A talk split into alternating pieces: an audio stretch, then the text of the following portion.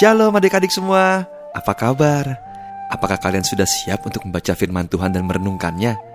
Yuk, kita sama-sama buka Alkitab kita dari Yesaya 46 ayat 1 sampai 13. Kalau sudah, kita berdoa dulu yuk sebelum kita mulai membacanya. Mari kita berdoa. Terima kasih Tuhan Yesus atas berkat-Mu Tuhan. Kami dalam keadaan yang baik dari koma masing-masing. Dan kami siap untuk membaca firman-Mu dan merenungkannya bersama-sama Tuhan Yesus. Berkati kami, kuasai kami dengan rohmu yang kudus, agar kami mengerti akan firman-Mu dan mampu melakukannya dalam kehidupan kami masing-masing. Terima kasih Tuhan Yesus, dalam namamu kami berdoa dan mengucap syukur. Haleluya. Amin.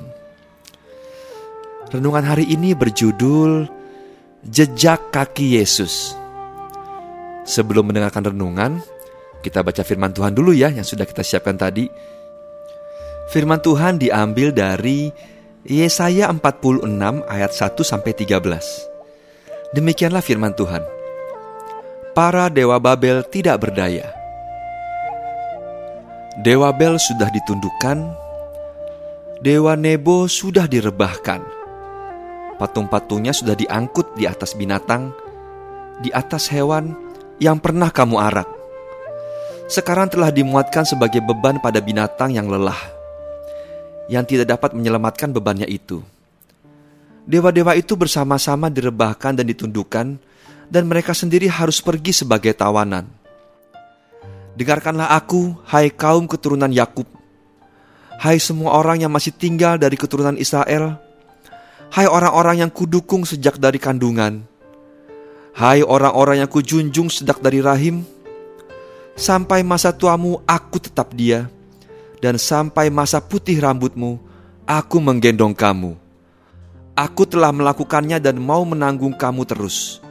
Aku mau memikul kamu dan menyelamatkan kamu. Kepada siapakah kamu hendak menyamakan aku? Hendak membandingkan dan mengumpamakan aku sehingga kami sama? Orang mengeluarkan emas dari dalam kantongnya dan menimbang perak dengan dacing, mereka mengupah tukang emas untuk membuat Allah dari bahan itu Lalu mereka menyembahnya, juga sujud kepadanya. Mereka mengangkatnya ke atas bahu dan memikulnya, lalu menaruhnya di tempatnya. Di situ ia berdiri dan tidak dapat beralih dari tempatnya. Sekalipun orang berseru kepadanya, ia tidak menjawab, dan ia tidak menyelamatkan mereka dari kesesakannya. Ingatlah hal itu dan jadilah malu. Pertimbangkanlah dalam hati, hai orang-orang pemberontak Ingatlah hal-hal yang dahulu dari sejak purbakala, bahwasanya akulah Allah dan tidak ada yang lain. Akulah Allah dan tidak ada yang seperti aku, yang memberitahukan dari mulanya hal yang kemudian, dan dari zaman purbakala apa yang belum terlaksana, yang berkata, Keputusanku akan sampai, dan segala kehendakku akan kulaksanakan. Yang memanggil burung buas dari timur, dan orang yang melaksanakan putusanku dari negeri yang jauh, Aku telah mengatakannya, maka aku hendak melangsungkannya. Aku telah merencanakannya, maka aku hendak melaksanakannya. Dengarkanlah aku, hai orang-orang yang congkak, orang-orang yang jauh dari kebenaran. Keselamatan yang daripadaku tidak jauh lagi, sebab aku telah mendekatkannya, dan kelepasan yang kuberikan tidak bertangguh lagi. Aku akan memberikan kelepasan di Sion dan keagunganku kepada Israel. Sahabat Yesus, Margaret Fishback Powers menulis puisi yang bercerita tentang seseorang yang bertemu dengan Tuhan Yesus. Aku bermimpi sedang berjalan di pantai bersama Tuhan. Aku melihat dua pasang jejak kaki di pasir. Sepasang jejak kakiku dan yang sepasang lagi adalah jejak kaki Tuhan. Setelah perjalanan berakhir, aku menoleh ke belakang dan melihat jejak kaki di pasir.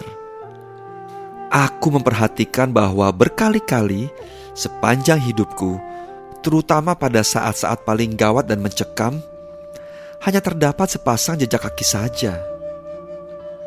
Aku kecewa.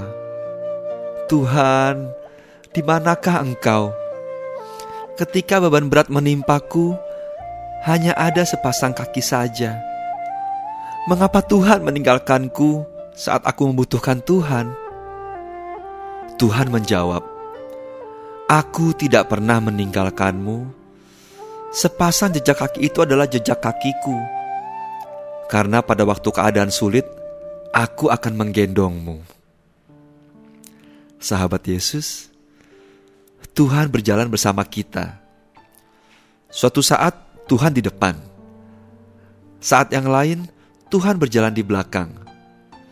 Suatu saat berada di samping bahkan menggendong kita di saat yang sulit. Jadi jangan takut dan percayalah bahwa Tuhan selalu bersama kita. Sahabat Yesus, ayo kita ucapkan kata-kata ini. Aku berjalan bersama Tuhan. Sekali lagi, aku berjalan bersama Tuhan. Mari kita berdoa. Bapa di sorga, kami bersyukur karena Tuhan selalu menyertai, bahkan menggendong kami ketika masa sulit. Ajar kami untuk setia berjalan bersama Tuhan. Terima kasih ya Tuhan.